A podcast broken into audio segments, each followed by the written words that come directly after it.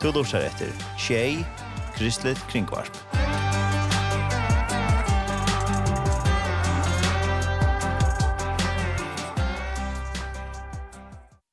Velkommen til en sending her i Studio Tjei i Havn. Mitt navn er Tar Arne Samuelsen.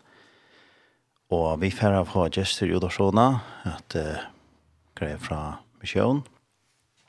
Og vi færre at ta seg dangst til neste løtene. Og vi har fått gæster her i studiet. Velkommen i vores studie. Kan I præsentere jer selv? Ja, Jeg hedder Kim Hartzner, og jeg er øh, læge. Øhm, og jeg har også arbejdet i, på ferierne ude i Førium. Der er øh, 32 år søgen, og jeg arbejder øh, både på øh, landsykerhus og, øh, og, og, og havnar og øysen er eh, Klaksvik og sykehusene. Uh, men uh, det, det er bedre tog seg dansk. så, um, og jeg er meget, meget glad for ferierne. og eh, jeg var heroppe dengang i først seks uger i Torshavn, og så efterfølgende seks måneder i uh, Klaksvik. Og jeg er læge, som sagt, og så leder jeg en hjælpeorganisation, der hedder Mission 10 40, og det vil jeg fortælle om lidt mere, når Niels så præsenteret sig. Og jeg hedder øh, Niels Birkemose, og jeg er bestyrelsesformand i den her NGO Mission 10 40, og jeg har en, øh, en baggrund som journalist og som øh, tv-tilrettelægger, og har været i Danmarks Radio blandt andet i mange år, og øh, for tiden underviser jeg unge mennesker i at filme og klippe og redigere og den slags video. Øh, og så er jeg så, som sagt, bestyrelsesformand i Mission 1040. Og har du været på færgerne? Ja. Det er første gang, jeg er på færgerne. Jeg er helt blæst bagover, og øh, den fantastiske gæstfrihed, og hvor usandsynligt smukt har jeg over det hele. Det er, det er virkelig imponerende.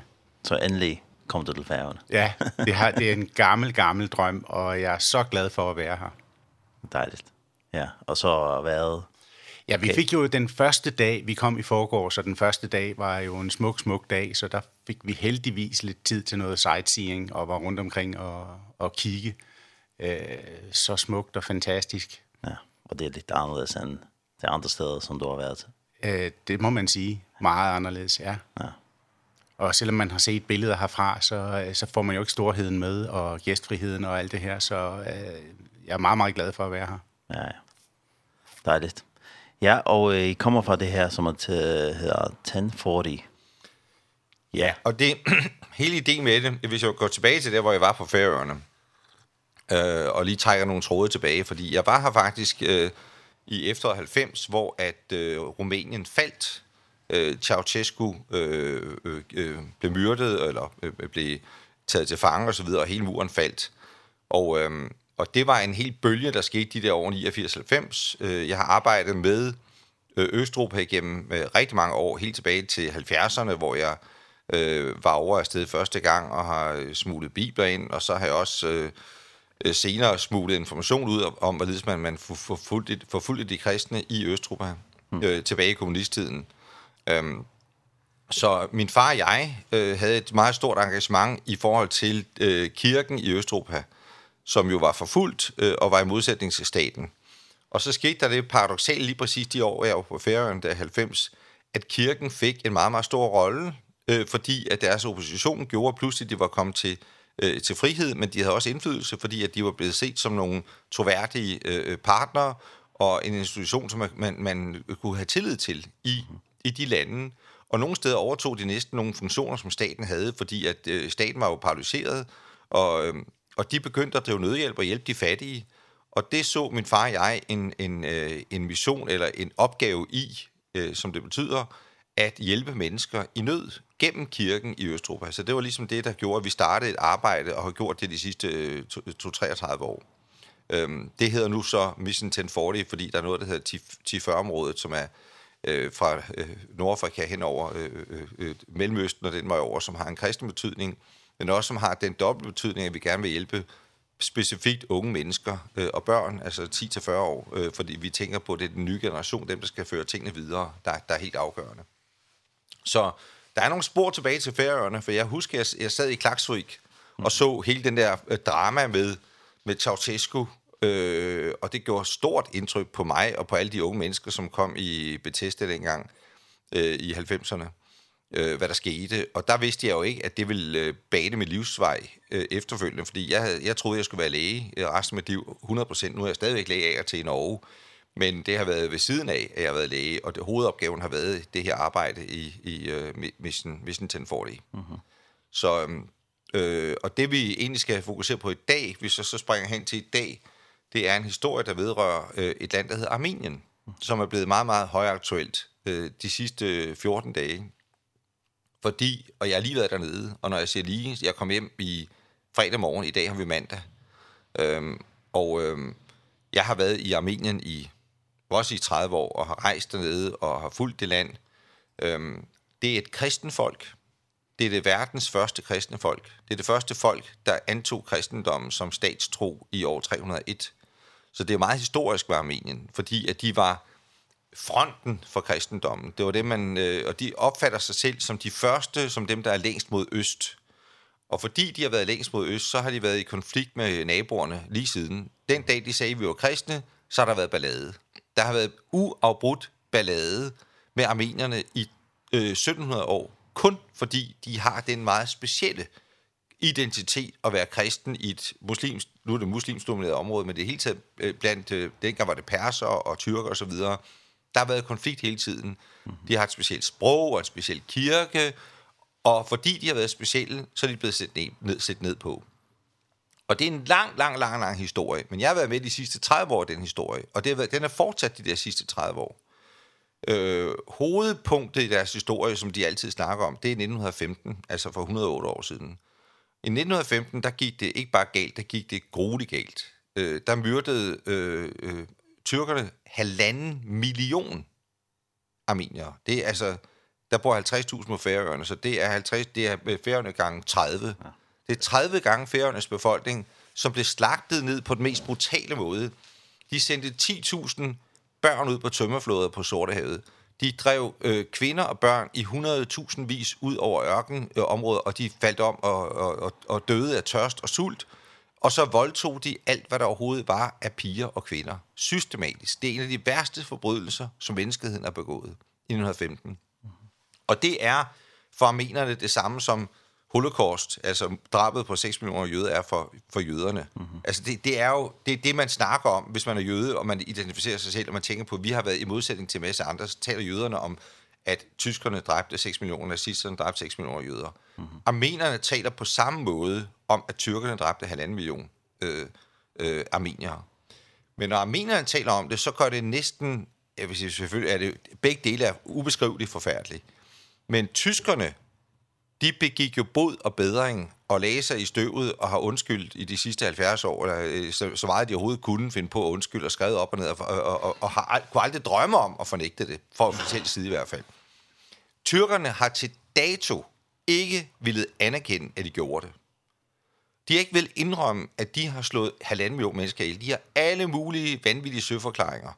Og det har gjort ondt lige siden. Det gør ikke bare, at de er blevet myrdet og voldtaget, du kan se billeder af det, men at dem, der gjorde det, siger, det passer ikke. Og der er en anden forklaring, og I var selv skyld i det, og I var med i en krig, og bla, bla, alt muligt udenom. Og, og den historie har fulgt mig de sidste mange, mange år, den historie. Fordi det, der skete under den der øh, første verdenskrig, 1915, og hvor de blev dræbt, det var, at verden sad og kiggede den anden vej. Øh, de såkaldt øh, vestlige magter og de kristne magter gjorde ingenting. Altså, de troede jo, at armenerne, at nogen ville komme og hjælpe dem. Men det gjorde de ikke. Der var ingen hjælp at få. Der var, for, for det første var den verdenskrig, men der var ingen systematisk hjælp, og overhovedet ikke nogen militær hjælp fra hverken USA eller Storbritannien eller nogen andre. Der var ingen, der gik ind og forsvarede dem, og de døde som fluer. Øhm, I dag er det faktisk det samme, og det er jo det, der er uhyggeligt. Der er gået 108 år, og det samme sker igen i mindre målstok. Øhm, så øh, øh, armenerne har fortsat med at have en eksistens. Dengang, så gik det ud over de der halvanden million mennesker. Deres land blev fuldstændig raseret. Langt det meste af deres land, det hørte under Tyrkiet, og man kan næsten ikke se nogen mindesmærker på det i dag. De har raseret kirker og ødelagt alt muligt. Så fik armenerne en, en lille stump land, det der hedder Armenske øh, Sovjetrepublik øh, under Sovjet, som er på størrelse med Jylland. Og det land fik de så øh, og var en del af Sovjet, som en, en hver anden republik, og selvfølgelig jo øh, havde de det sådan, som man havde det i Sovjetunionen. Altså, det var et kommunistisk diktatur, og det var det, de havde. Så blev de frie i 91. Der gik simpelthen... Det øjeblik, de blev frie, der var de faktisk allerede i krig. Fordi at de havde sagt til deres hovedfjende over på den anden side, som også er nogle tyrker, de hedder bare azerbaijanere, de havde sagt til dem, vi vil gerne have, at hele det område, hvor der bor kristne armener, at det er armensk. Der er nemlig et område, der hedder Karabakh, Og det havde Stalin under kommunisttiden lagt under Azerbaijan. Nu jeg ved ikke, at det er mange ting, der, der kommer frem her, mange data. Men, men, men, men det har altid været armensk. Altså, det har aldrig været muslimsk. Det har aldrig været azerbaijansk. Det har aldrig været tyrkisk. Det har altid været armensk. Det er det samme som at sige, øh, øh, Helsingør eller København skal være svensk. Jamen, jamen, det skal det ikke være, fordi det har altid været dansk. Ikke? Altså, vi kan ikke diskutere om København er dansk. Det er der ingen diskussion om. Det, der er både danskere lige så længe vi kan, øh, altså, siden 800-tallet. Mm-hmm. Der er både kristne armenier i Artak, som det hedder på armensk, eller Karabakh, siden 300-tallet. Det er 500 år mere, end der er både danskere, eller der kaldte sig danskere i Danmark. Der er både armenske kristne og været kirker. Verdens ældste søndagsskoler er i Karabakh i Armenien. Men Stalin lagde det til fjenden, og det øjeblik, at de så fik frihed efter kommunismens fald, så sagde de, vi vil nu være kristne armenier. Mm -hmm. Fordi vi har været her altid. Her er vores kloster, her er vores kirker, her er alt det, vi har. Og det vil vi gerne blive ved med at have. Så sagde assyrianerne aldrig livet, og så begyndte de at skyde løs på dem. De smed deres gravide kvinder ud fra, fra øh, højhusene over i øh, en by, der hedder Sumgaid. De myrdede løs på børn og voksne og alt muligt andet og forfærdeligt. Og så flygtede 200.000 armenier ud af selve Azerbaijan. Men dem i Karabakh, de blev der og kæmpede. Og de kæmpede 90.000 mand mod 7 millioner, og de 90.000 vandt. De 90.000 vandt, fordi at de sagde, det er vores, fuldstændig som jøderne kæmpede i Israel. Ja. Selvom de var, hvad var det i 48, 1 million mod øh, øh, 40 millioner, 50 millioner araber, så vandt de, fordi de sagde, det er vores. Og det fuldstændig samme gjorde armenerne. De sagde, det er vores land, de 90.000. De fik godt nok hjælp fra moderlandet Armenien, men alligevel, de kæmpede mod en kæmpe overmagt og vandt. Den historie sluttede så nu for 14 dage siden. Fordi der har været en form for krigstilstand hele tiden. Der har været ført to krige, som armenerne vandt. Så førte de en krig, øh, hvor Azerbaijan angreb for tre år siden, som Azerbaijan vandt. Mm -hmm. Og huggede 40% af deres, øh, 60% af deres område. Og efterlod kun 40%. I de 40%, der har der boet 120.000 kristne armenere fra øh, altså De har været der hele tiden, men altså i den, lige siden den sidste krig, de tabte i 2020, har de boet der omsluttet af russiske fredsbevarende tropper, og så har de haft Azerbaijan lige på den anden side. Det besluttede Azerbaijan så, at selvom de havde tabt 60%, så ville de også kylde dem ud af de sidste 40%.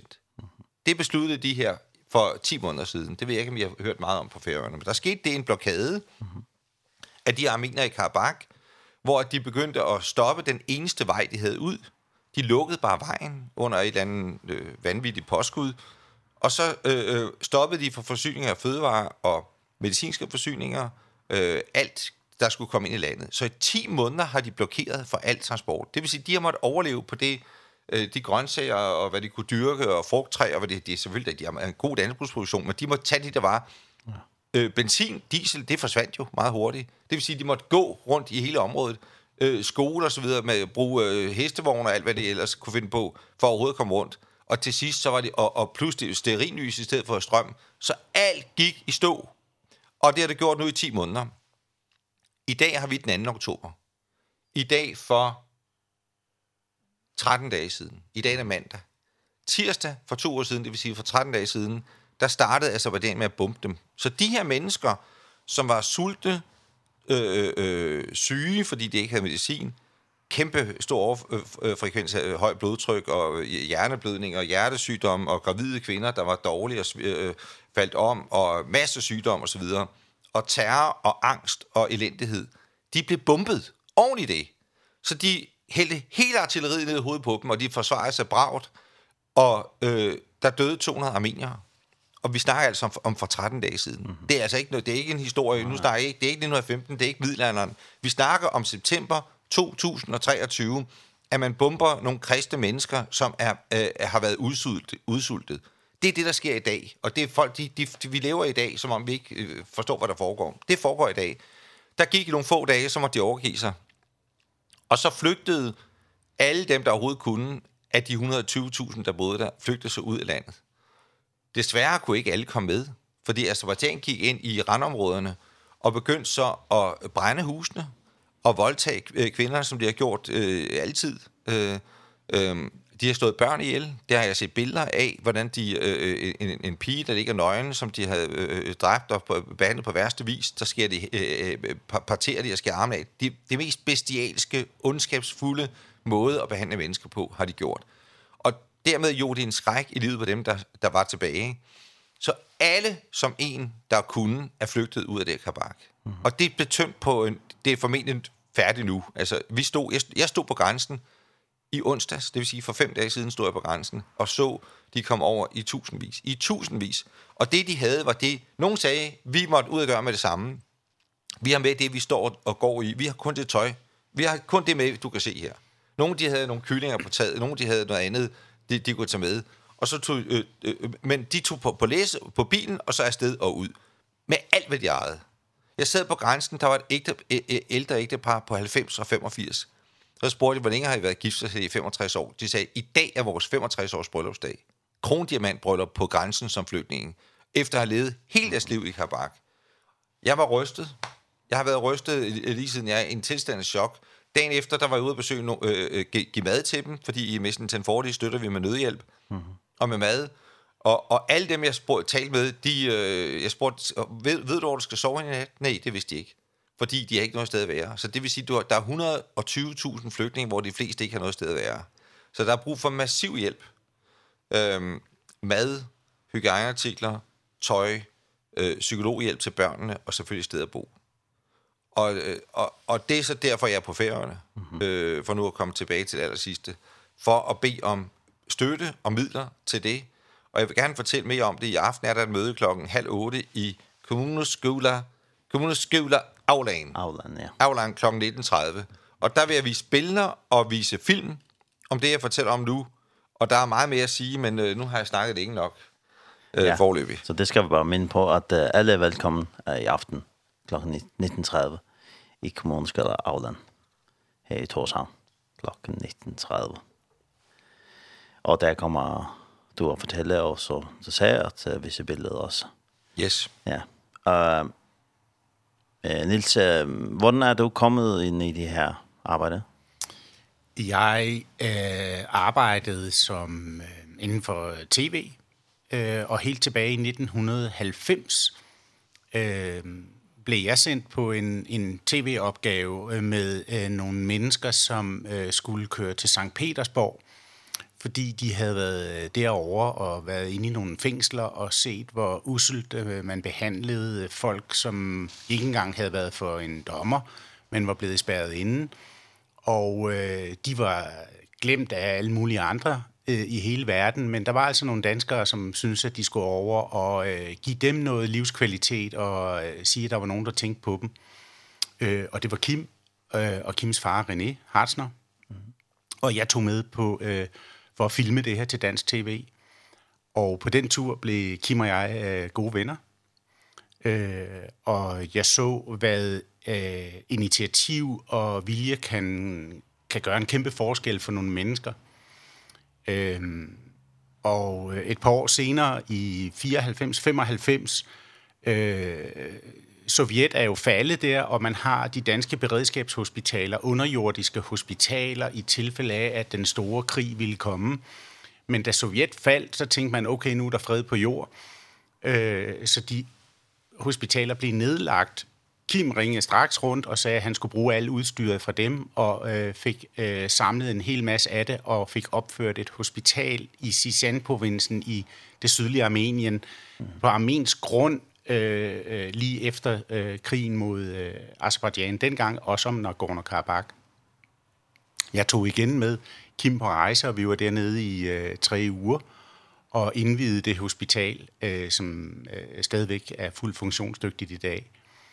Øh, så det var jo en kæmpe øjenåbner for mig, at der var nogle mennesker, der havde sådan et drive for at hjælpe andre. Øh, så, så da jeg blev involveret i det her, og øh, Kim øh, og jeg talte sammen for nogle år siden, og han spurgte, om jeg ikke var interesseret i at komme ind og være en aktiv del af det her, så øh, tænkte jeg mig om i under et sekund, inden jeg sagde ja, fordi det ville jeg selvfølgelig rigtig, rigtig gerne. Det giver jo fantastisk god mening mm -hmm. at, at lave sådan noget her. Øhm, Og øh, vores første tur øh, sammen igen, det var for to år siden, hvor vi tog øh, til Nagorno-Karabakh og mødtes med statsministeren dernede og lavede et interview med ham. Mm. -hmm. Øh, det var en øh, fantastisk tur, og øh, jeg ville rigtig gerne ind på hospitalet igen for at se, hvordan at nødhjælp, som man havde øh, grundlagt i 1995, hvordan virker det øh, i 2021, som det var. Så øh, vi meldte vores ankomst, og de tog imod os, og i, i Kim i særdeleshed med åbne arme, fordi at de vidste godt, at det var ham, der ligesom havde lagt øh, fundamentet for det hospital. Øhm, så det var fantastisk rørende at være derinde og se alt det også nye udstyr, de har fået, men også noget af det udstyr, som Kim havde skaffet i gamle dage for de danske beredskabshospitaler, stadigvæk er i, i brug dernede. Mm -hmm. øhm, og så er det, vi tager videre til Karabakh, øhm, og, og Karabakh skal man... Øh, altså, det, det, det, er, det er jo et bjergeområde, men man skal se det som, kan man sige, en ø, der er omkranset af Azerbaijan. Og der er en vej ind fra Armenien til Karabakh, en snoet bjergevej på 3-34 kilometer. Mm -hmm. Så er man derinde. Så det er den der eneste vej ind. Øh, vi kommer ind til øh, Stepanakert, som hovedstaden hedder, og mødes med statsministeren, og øh, det viser sig, at han er blind. Øh, og øh, han fortæller sin historie om, hvordan han blev blind som seksårig, da en øh, da en granat øh, sprængte i nærheden af ham. Og mens han fortæller den historie, øh, så siger Kim, øh, dig har jeg mødt før, da du var barn. Fordi øh, du sad på en skole oppe i Yerevan, hovedstaden i Armenien, og var ved at lære blindskrift. Og, og, og det er jo sådan en, en, en meget usædvanlig øh, måde, at et interview eller en samtale pludselig tager en drejning på, og han bliver sådan lidt, øh, probably, siger han. Mm -hmm. Men Kim insisterer, jeg har mødt dig, og jeg har billeder med af dig som barn på min computer. Så øh, Kim siger, øh, øh, siger til mig, Nils, jeg står og videofilmer det her. Nils, øh, tag lige øh, interviewet over, øh, mens øh, Kim leder efter de her billeder.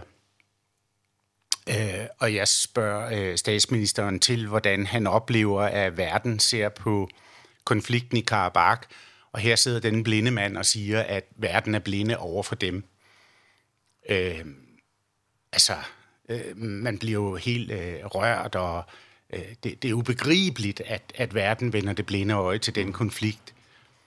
Øh, Kim finder de billeder frem, og der sidder en øh, ung dreng på 9 år øh, og læser blindskrift på de her fantastiske billeder, som Kim har taget. Øh, og og han har nogle ar i ansigtet fra den her bombeeksplosion som nærmest er et vandmærke i hans ansigt som 9-årig og du kigger over på ham nu hvor han er øh, nogen af 40 og det er fuldstændig det samme. Der det det er simpelthen ham der sidder der. Men han kan jo ikke selv øh, se det. Han har sin hjælper ved siden af som han spørger, er det mig? Og og og hjælperen siger, det er dig, det er 100% sikkert. Øh, og han fortæller, at øh, det er de eneste billeder, der findes af ham som barn. Så han bliver jo selvfølgelig ekstremt taknemmelig og rørt over det her, og, og det her interview og hele den øh, scene her bliver, bliver meget, meget rørende for, for os alle sammen, der er til stede. Og, øh, øh, og mødet dukker faktisk op i hans hukommelse, og han kan fortælle, hvad det var, at Kim var nede og lave dengang. Øh, så, så det var selvfølgelig et fantastisk øjeblik at møde statsministeren. Øh, og det skød gang i vores første, kan man sige, øh, store øh, projekt dernede i Mission 1040, hvor vi blandt andet var på børnehospitalet og, og kunne tage en liste med hjem derfra med øh, udstyr, de manglede og gennem øh, Kims øh, fantastiske netværk i øh, i lægeverdenen kunne øh, han tage ind i øh, på på Rigshospitalet i København, hvor alle de ting selvfølgelig stod og var brugt og gemt af vejen nede i kælderen, fordi at man har opdateret udstyr på Rigshospitalet, men selvfølgelig øh, fint øh, funktionsdygtigt udstyr i kælderen. Så der fik vi en hel masse som som blev fløjet derned. Og øh, så er det jo øh, tragisk og forfærdeligt at tænke på, at, øh, at det nu er efterladt dernede. Øhm, heldigvis er, er statsministeren øh, Atak Beklajan kommet ud af, af Karabakh. Øhm, han lagde en video op i forgårs på øh, X, og, øh, som er billede af tomme gader, menneske tomme gader, fordi alle er flygtet derfra. Ingen har tur at blive tilbage. Mm. Øhm, der er set klip i tv, hvor at den øh, azerbaijanske premierminister går ud og siger, at de ikke vil gøre armenerne noget. Men, men, men det er jo løgn, fordi at de har gjort dem noget. De har slået dem ihjel. De har behandlet dem øh, så bestialt, som man overhovedet kan gøre. Vi var øh, forrige søndag til en demonstration i København foran FN City med de, øh, nogle armeniere, der bor i København og, og i Sydsverige, og de viste os videooptagelser, som azerbaijanske soldater har lavet, dem som Kim fortalte om før, med de bestialske uhyrligheder, som de har gennemført for 14 dage siden, tre uger siden. Øh, og lagt på YouTube, så at armenerne kunne se, hvad der ventede dem, hvis de blev tilbage. Mm. Så øh, alle de her mennesker her, de, de forlader jo selvfølgelig deres hjem 1700 år og så er det altså bare ud nu. Mm -hmm. Så der er ikke en kristen armener tilbage i Karabakh. Og det er det er jo forfærdeligt at tænke på. Øh, så det er dem det er dem vi skal hjælpe. Eh øh, lige så vel som vi hjalp dem som der måtte flygte for to år siden, øh, da da Azerbaijan tog de første 60%, der flygtede 100.000, nu kommer der 120 eller er kommet 120.000 mere, så det er en stor massiv opgave, der, der ligger for os. Vi kan, vi kan jo ikke hjælpe dem alle sammen, men vi kan hjælpe så mange som muligt. Ja. Eh så det er det, der er vores projekt eh nu. Ja, vi, vi skal snakke litt mer, eh men jeg tror, vi skal lytte en sang, før vi tar videre. Og jeg har funnet en sang med en, en fersk gruppe. De kalder seg Søstre, og de har en sang, som heter God is Faithful. Så, så kommer vi tilbage.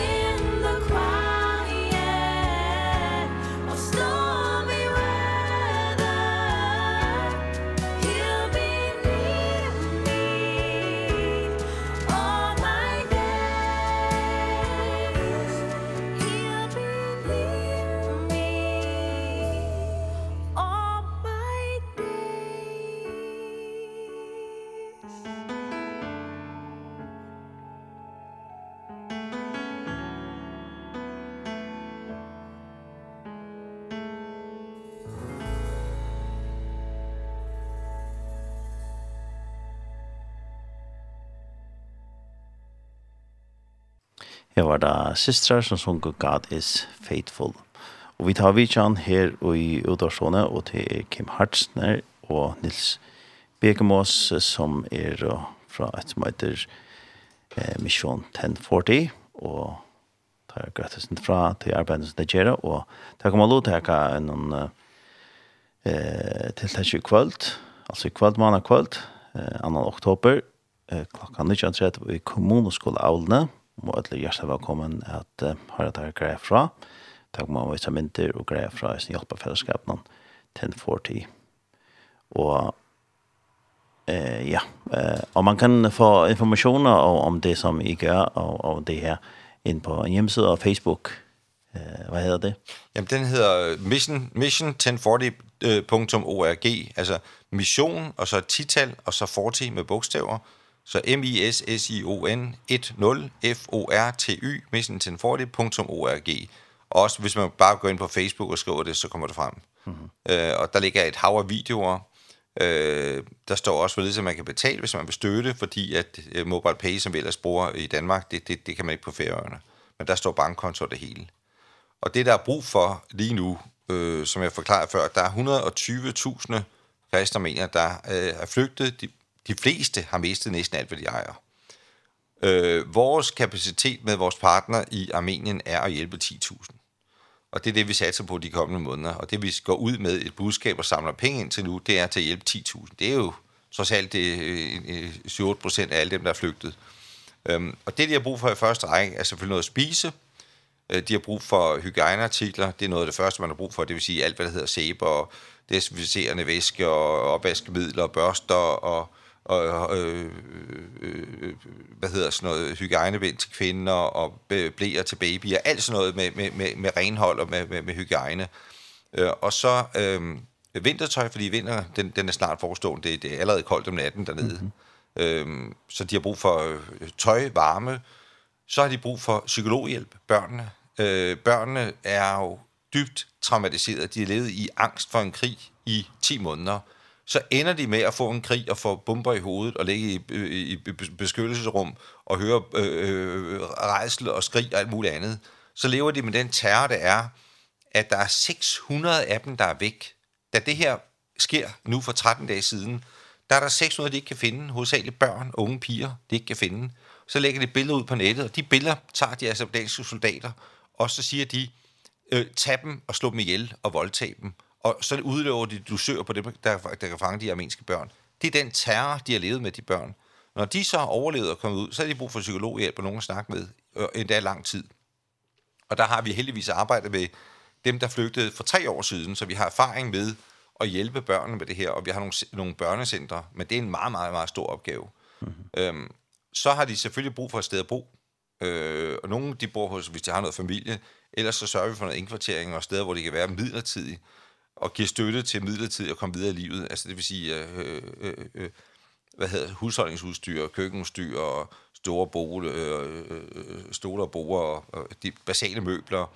Øhm, dem, der har mulighed for det, og som vi kan placere et sted, hvor der har mulighed for at tjene nogle penge, der gør vi, giver vi så starthjælp til det, altså en, in, input til landbrugsudstyr, måske nogle husdyr, måske noget såsæd, øh, et eller andet til at starte en, en lille landbrugsproduktion, eller en symaskine, eller hvad det, hvad det er, som man kan sige, der er relevant, for at de kan komme i gang med at lave noget, i stedet for bare at sidde og kigge. Mm-hmm. Så det er en voldsom stor pakke. Øh, hvis man tager i snit for de, øh, 200, for de øh, 10.000 mennesker, så koster det 250 kroner per person i snit.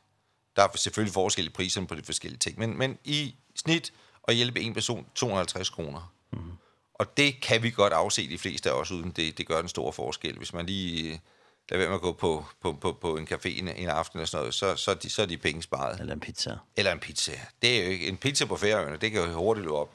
Ja. Så, øh, så det, det synes jeg godt, man kan opfordre til, og heldigvis har det været således, at i Danmark har det vagt virkelig gehør. Altså, der har været utrolig respons, fordi at... Øh, specielt folk i kirkerne selvfølgelig, de har, de har, de har været fortvivlet, Danmark har jo en speciel plads. Øh, det fortalte jeg ikke før, men Danmark har en speciel plads i historien i Armenien. Fordi øh, i 1915, da der var det her drabelige folkemord, og de dræbte halvanden million mennesker, der var der to danske kvinder, der var faktisk flere, der var øh, 30-40 danske, næsten alle sammen kvinder, øh, enlige kvinder, som tog afsted som missionærer til, til... Det er en fantastisk historie. Det er en helt vild historie, fordi det her det er jo altså ikke som i dag, hvor man har e-mail og mobiltelefoner og alt muligt andet. De havde jo ingenting jo. De havde, der var, de kunne skrive breve, og så kom de om 3-4 måneder, hvis de var heldige. Øhm, og det var unge piger, piger på, øh, altså i 20'erne, der tog afsted. Øhm, Karen Jeppe, hun red på en hest på hesteryggen bag en tysk præst hen over sletterne i det østlige Tyrkiet, altså og, og kom så til en by lærte sig sproget og begyndte at undervise det, hovedsageligt pigerne. Hun, reform, hun endte med at reformere hele det øh, armenske uddannelsessystem. Hun var en fantastisk øh, pige fra Gylling syd for Aarhus. Altså mm. utrolig historie. Og der er ingen, der kender hende i Danmark. Hun er en af de største danskere, der har fandtes. Men danskerne i skolen i dag, de aner ingen, intet om det. Mm. De ved ingenting. Og, det, og hun er for mig at se en af de største danskere nogensinde. Hun burde komme på frimærker og statuer og alt muligt andet. Hun tog afsted som 21-årig til øh, det daværende øh, øh, Tyrkiet, altså øh, ja, det osmanniske rige, i 1903. Og hun endte med at redde, da folkemordet kom, så gemte hun 17 armenier under sin gulvbrædder, og så selv fik hun øh, syg, sygdom, var, øh, fik tyfus, og så sagde hendes venner i Danmark, se at komme hjem til Danmark, så, hvordan kan jeg gøre det? Jeg har 17 mænd under min gulvbrædder, så hun blev dernede.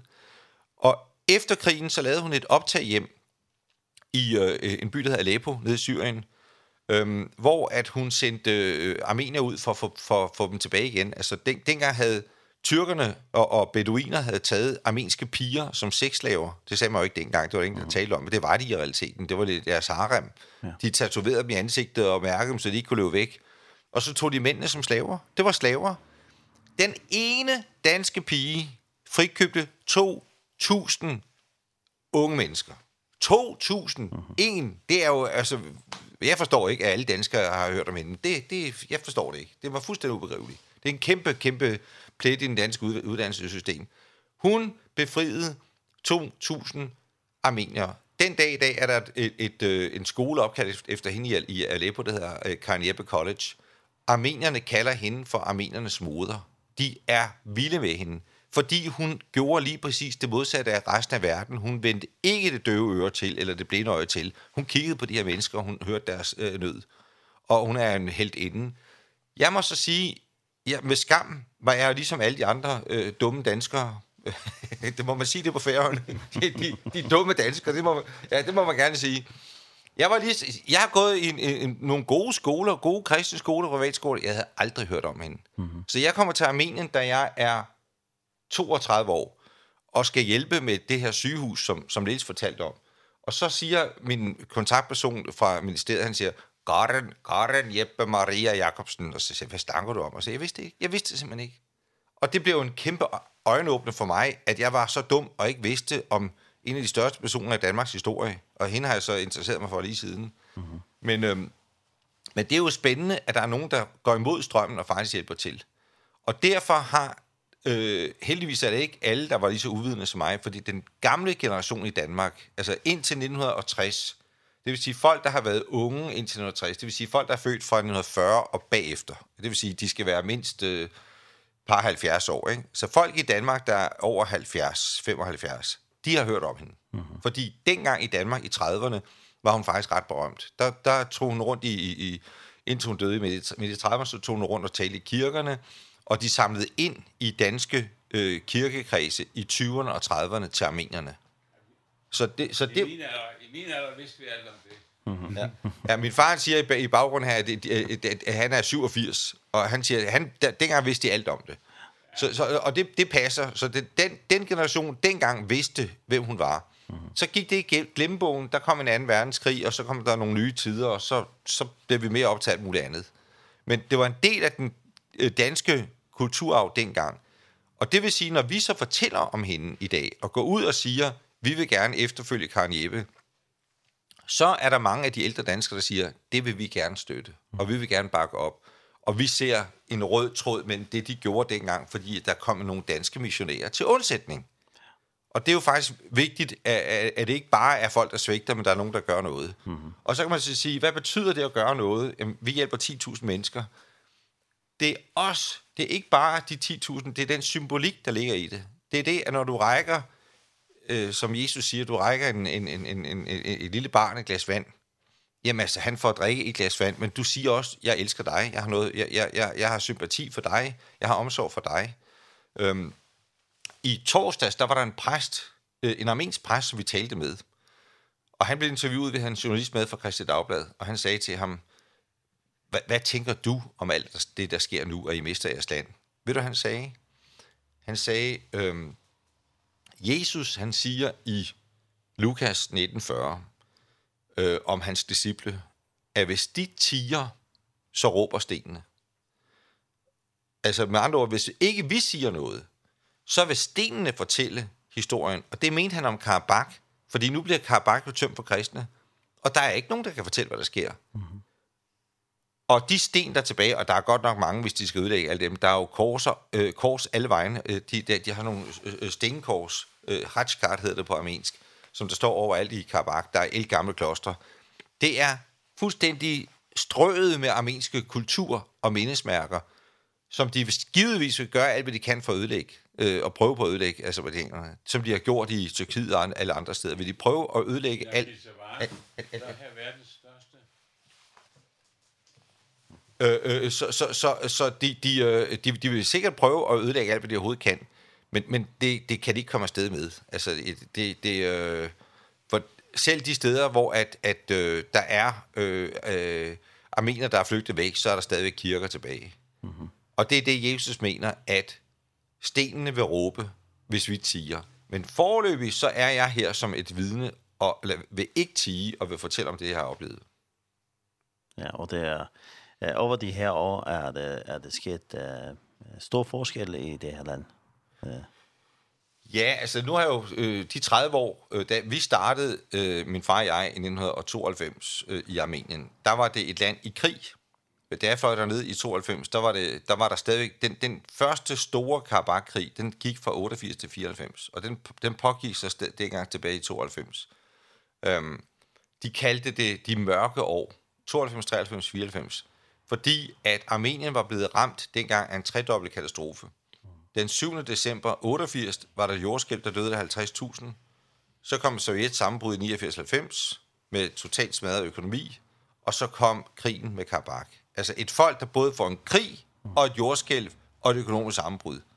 Det, det, det var, de, var, de, de var den rigeste Sovjetrepublik, selvom det ikke var lige så rigt som Danmark, var det alligevel velstående. Jeg har været der i Sovjettiden, og der var der var mad i butikkerne, og der var øh, restauranter, og folk var, øh, gik og havde pænt tøj på, og uddannelse og dygtige mennesker, og de var super gode til optik, for eksempel. De havde nogle ting, de var meget, meget gode til. Øh, det faldt sammen på ingen tid. Altså, da de blev selvstændige i 91, der røg de helt ned i et hul i jorden. Og der havde de brug for nødhjælp for at overleve. Så, så den situation, der var i 92-93, rent humanitært, var værre, end den er i dag. Fordi der var de en, midt i en krig, og de havde mistet alt på en gang. De så hentet sig ind igen i Armenien, men dem i Karabakh, de har jo så oplevet at blive udryddet nu her. Og det har de jo ikke prøvet i Armenien øh, for, øh, siden 1915, altså siden folkemordet. Så man kan sige, at det, der sker nu, er en dramatisk, pludselig katastrofe. Det er jo ikke en sådan en, der kommer over et par måneder og sådan noget. Det er jo sket på, på en uge, det her. Mm -hmm. Og det er nu. Det er nu og noget af det, der gør rigtig ondt at, at være vidne til, det er jo, at, at Vesten og Europa handler jo med Azerbaijan. Vi kører Formel 1 i Baku. Vi spiller EM i fodbold i Baku. Øh, da, da krigen i Ukraine starter, øh, og vi skal boykotte russisk olie og gas, flyver Ursula von der Leyen til Azerbaijan. Øh, og laver en olie- og gasforsyningsaftale til Europa med Azerbaijan og står og trykker hånd med ham og siger, her er vores nye venner. Det er de venner, som lige har slagtet Karabakh. Det går ondt at se på, fordi hvem er det, der skal gå ind og hjælpe armenierne? Nej, Øh, det er som om, at øh, Europa ikke har forstået, at det er et øh, genocide, at det er et blodbad, at det er et folkedrab, der har fundet sted. Det har fundet sted i sidste uge. Og det er rystende, at der ikke er nogen, der tager det alvorligt. Det er som om, at man ikke vil høre om det. Øh, men det er sket. Ehm og det er det arbejde, som, som vi og mange andre øh, gerne vil gøre alt, hvad vi kan for at, at hjælpe de mennesker her. Men det er svært at se på, at, at, at det er som om, at man fornægter, at det er sket, fordi øh, der er ikke nogen, der tør at gå ind og, og, og være på armeniernes side i den her øh, konflikt, fordi der også er, er så meget politik i det. Ja.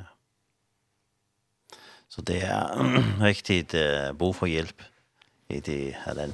Altså, der, der, øh, der den hjælp, jeg beskrev før, er der i særdeleshed stor, meget, meget stor brug for, og det vil der også være i længere tid. Øh, der vil være brug for, at, øh, at de her mennesker kommer øh, på fod igen.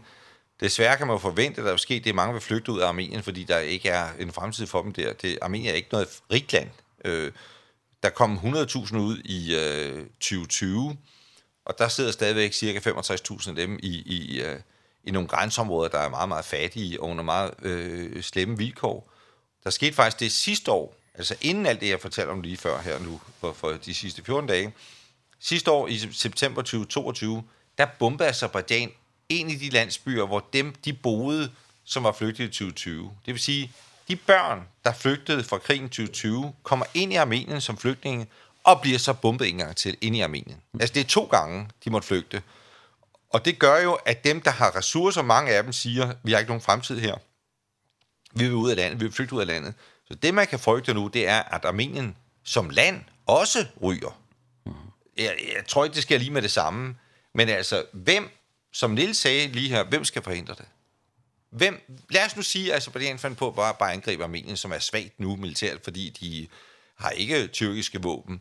Der skete jo det, at Armenien, som jeg sagde før, øh, da de kæmpede tilbage i 90'erne, altså slut 80'erne og 90'erne, der var de ligesom jøderne, de var meget øh, stærke, fordi at de troede på, at det var deres eget land, hvad det er, og de havde en sag at kæmpe for. Og så havde de de våben, som man havde dengang i Sovjet, og det havde Azerbaijan også. Så der var, ligesom, der var de lige, hvad, hvad angår militærkvaliteten.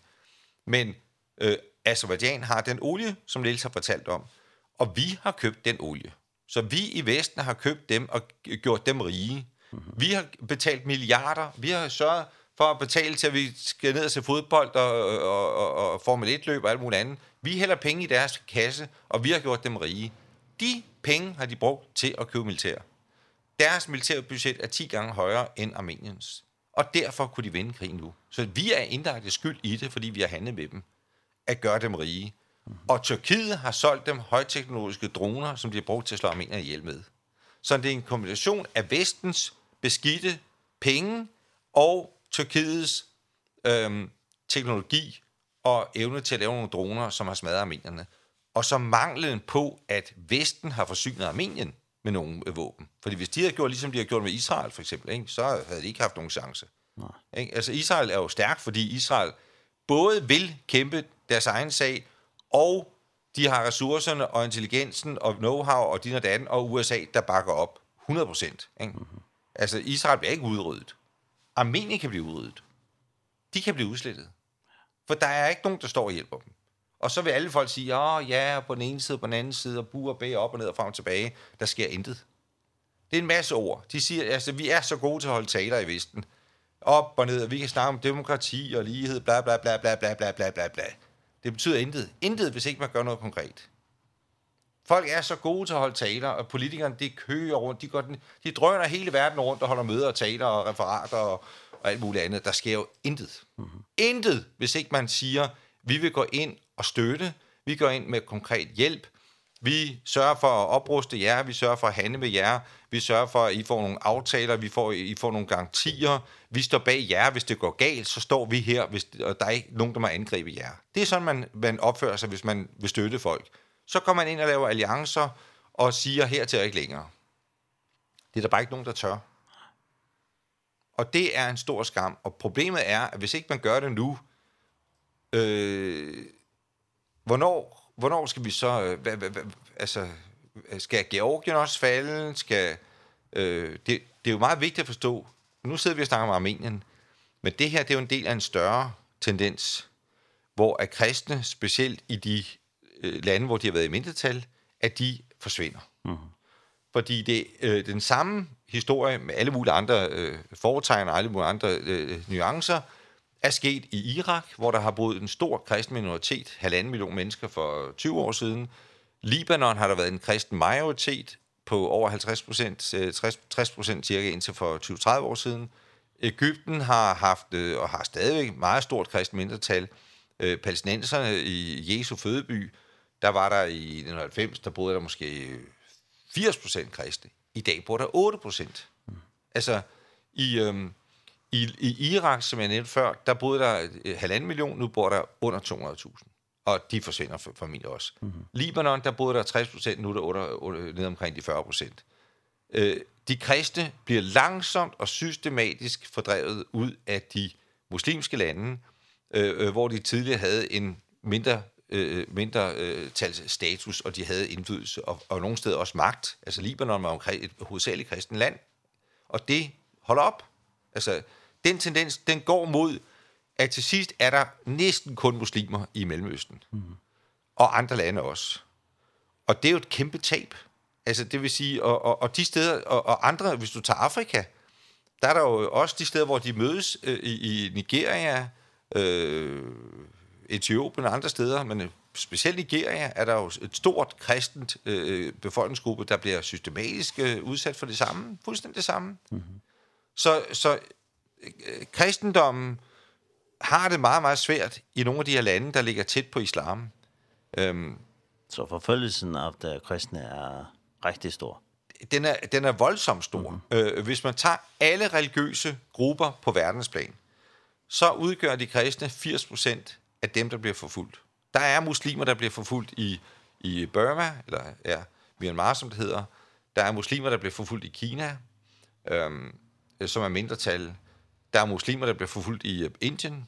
Så det, det er ikke bare øh, kristne. Men af alle dem, der bliver forfulgt, fordi de har en religion, eller ja, et religiøst karakteristika, eller en kultur, der er anderledes, der udgør de kristne 80 Problemet er det, at vi i Vesten næsten ikke øh, beskæftiger os med det ordentligt. Og det er jo et kæmpe problem, fordi at det drejer sig ikke bare om, at det er den kristne tro, det drejer sig også om, at det er nogle mennesker.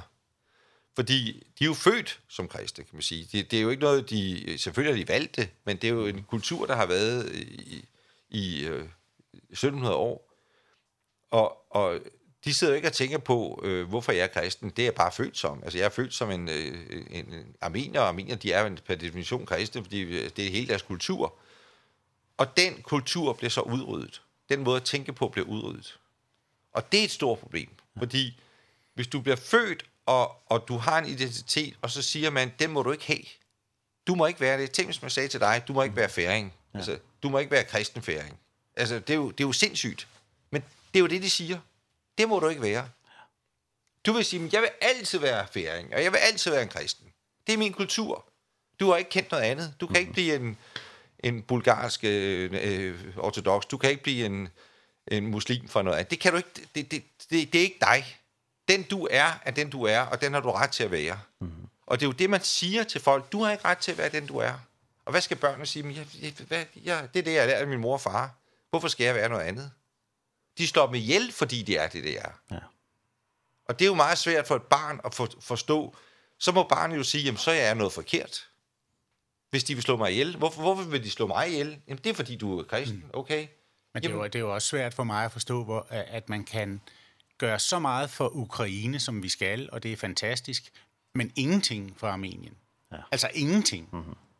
Der, der er ikke nogen repræsentanter fra den danske regering, der har sagt, hov, hov, hvad sker der dernede? Man har ingenting gjort. Altså, ingen, intet. Europakommissionen har fordømt det, amerikanerne har fordømt det, men hvad har de gjort? At de har sendt et brev, det fordømmer vi. Mm. Men de har ikke gjort noget. Ja, vi skal høre en sang til, uh, så tar vi den uh, sidste del av uh, den utsendelse. Uh, ja, vi skal høre en sang, som heter Please Forgive Me, og det er The Crab Family, som synger. Musik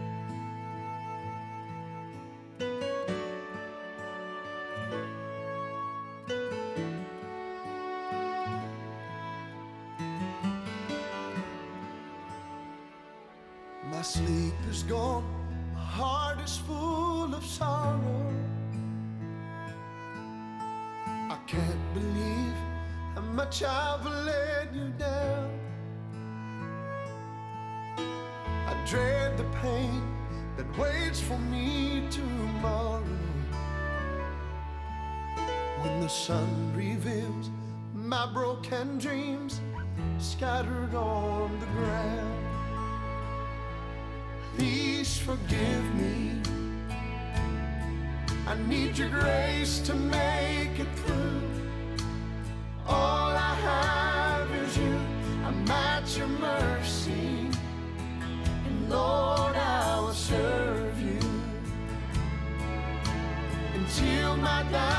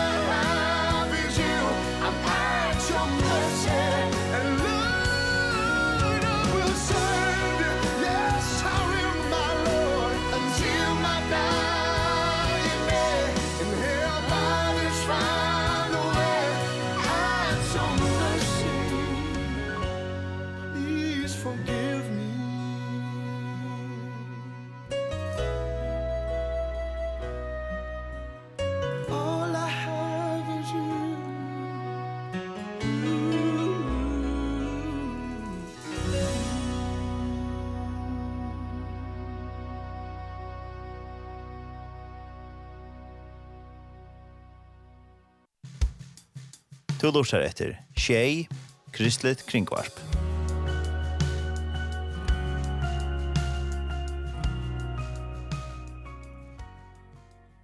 Det var en sanger som kallas Please Forgive Me, det var The Crab Family som sang. Og vi tar vidjan av Kim Hartzner og Nils Bekamose fra en fellesskap som heter Mission 1040. Og de kommer her og et tiltak i kommuneskolen i kvöld, altså i kvöld, mandag kvöld, 2. oktober klokka 19.30. Her de kommer greia fra oss ned arbeidsstagjera nere i Armenien. Det hjelper fellesskaperen. Og hvis jeg mindre oss ned så vi velkomne at uh, møte opp her, og til hjertelig velkommen at komme til et her. Eh, som sagt så skal jeg være i aften, og uh, alle velkommen eh, i aften og se billeder, og, og I kommer og fortælle øh, lidt af det her, som I har sagt i dag, og, og måske nogle andre ting også øh, i aften til det. Så alle velkommen. Ja. Eh, eh, og uh, jeg er på færne nu og uh, ønsker, at uh, man skal, skal give penge til, uh, til det her, hjælp til det, uh, de her mennesker. Uh, men hvordan... Uh, eh, for de her mennesker hjælpen?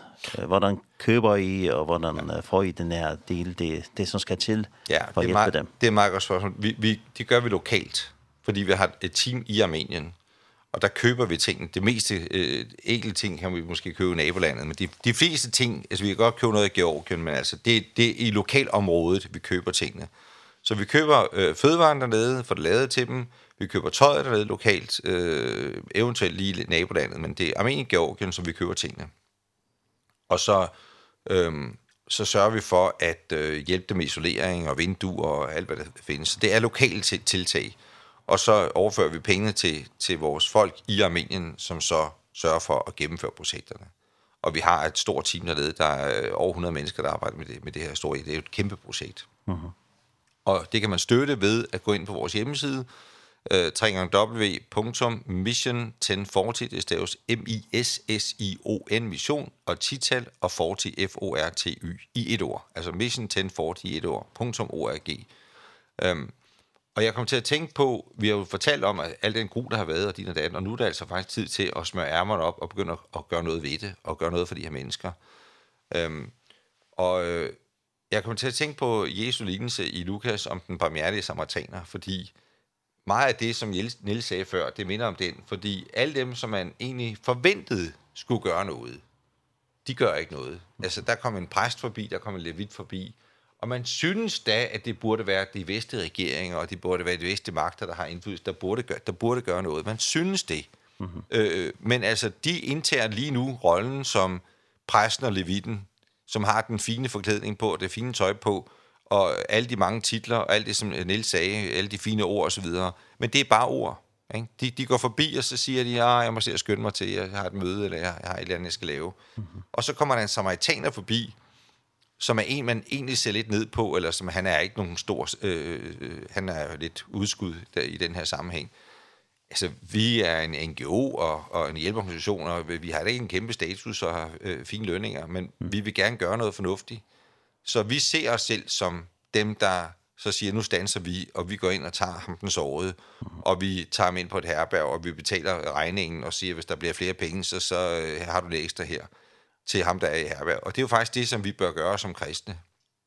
Det er en meget kristen fortælling, og det er det, Jesus prøver at sige. Det gælder altså ikke om, hvad du siger, men hvad du gør. Der er en anden lignelse, jeg vældig godt kan lide af Jesus, det er, hvor han, han, han sammenligner to mænd, og der er den ene, han lover guld og grønne skove og gør intet. Mm. Og den anden siger, nej, jeg gør ikke noget, og så gør han det alligevel. Og så siger Jesus, hvem er de to bedst? Det er så ham den sidste, som intet lover, men gør det. Mm. Det er altså ikke det, vi siger, der, har, der, der, der, der tæller på, på, på kontoen i den sidste ende. Det er det, vi gør. Mm.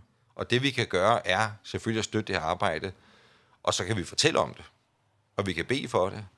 Men det her budskab skal ud, og jeg tror, der er mange, der ligesom mig, er meget, meget gale og sure over det her. Og, og der er en, vi har fået voldsom tilslutning fra selvfølgelig armenier, specielt der bor i Danmark, også i Holland og Sverige og Tyskland og andre steder. De er jo i stor chok lige nu. Øh, øh, altså, deres familie, deres bedsteforældre, alt hvad de kender, der er folk, der... Vi, vi, vi, vi min familie i Stepanakære, de der, de, der, de, de er jo kæmpe chok. Mm -hmm fordi at de ser at deres land blive ødelagt, og deres folk de må udvandre og i ydmygende øh, forfærdelige omstændigheder. Og det budskab skal fortælles højt og tydeligt, og derfor er jeg glad for, at vi kunne være på radioen i dag, for det, det budskab skal ud. Mm -hmm. Ja, meget vigtigt. Meget vigtigt. Ja. Det er meget vigtigt. Tak for det. Ja, er der alles andet, som vi vil sige? Og jeg siger også uh, mange tak, fordi vi måtte uh, komme og fortælle om vores uh, opgave her. Tak for det. Mm -hmm. Ja, men uh, så vel tak, det, tak jer for at vi kommer her i studiet og fortæller lidt om det her. Uh, ellers uh, kan man altid kontakte jer, eller skrive til jer, eller gå ind på hjemmesiden mission1040.org. Ja, og, og, og vores uh, Facebook-side også. Uh, ja, der er, ja. Og der ligger vi videoer og beskrivelser op af alt, hvad vi uh, laver og gør. Ja, ja. Jamen, der kan man følge os, ja. den der side. Så tusen takk, og vi har et godt opphold på færgerne, og Guds velsignelse og jeres arbejde også med denne her missionsorganisation. Takk for det. Takk for det. Just. Ja, så just. Ja, så færdig jeg takke for det med her i sendingen i dag, og henda send henda sendingen er så kommet at enda, og vi er så endersendt i kvöld, eh, klokkan trygger til åtta i kvöld, ta er det mulig at høyre etter prat i atter, hvis det ikke er galt vi. Og annars blir det her østene, altså i kvöld, mann mandag kvöld, klokka åtta, nå det trykker åtta. Og så vil det østene lagt av heimasynet tjokken tjei.fo, og så vil det østene lagt av de vanlige podcast eh, padlene, podcast-milene, her man kan lort etter podcast, så legger vi det østene her. Her er det østene mulighet for tog. Eh, vi får enda eh, så sending vi en sanje, og vi tar en sang her tja eh, Victory in Jesus kallas det snir, og det er av oss som heter The Ball Brothers. Vi høyrest.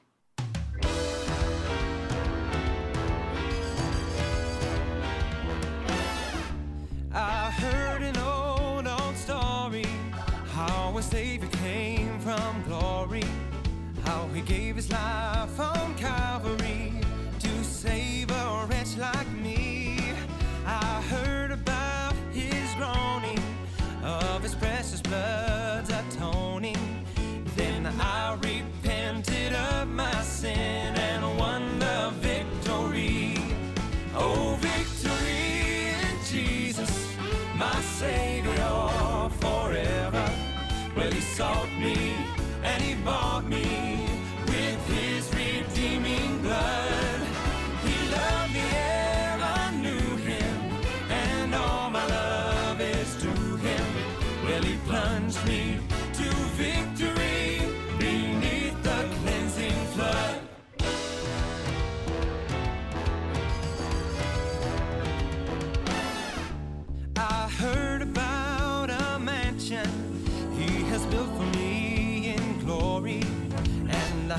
about the streets of gold beyond the crystal sea about the angels singing and the old redemption story. And some sweet day I'll sing up there the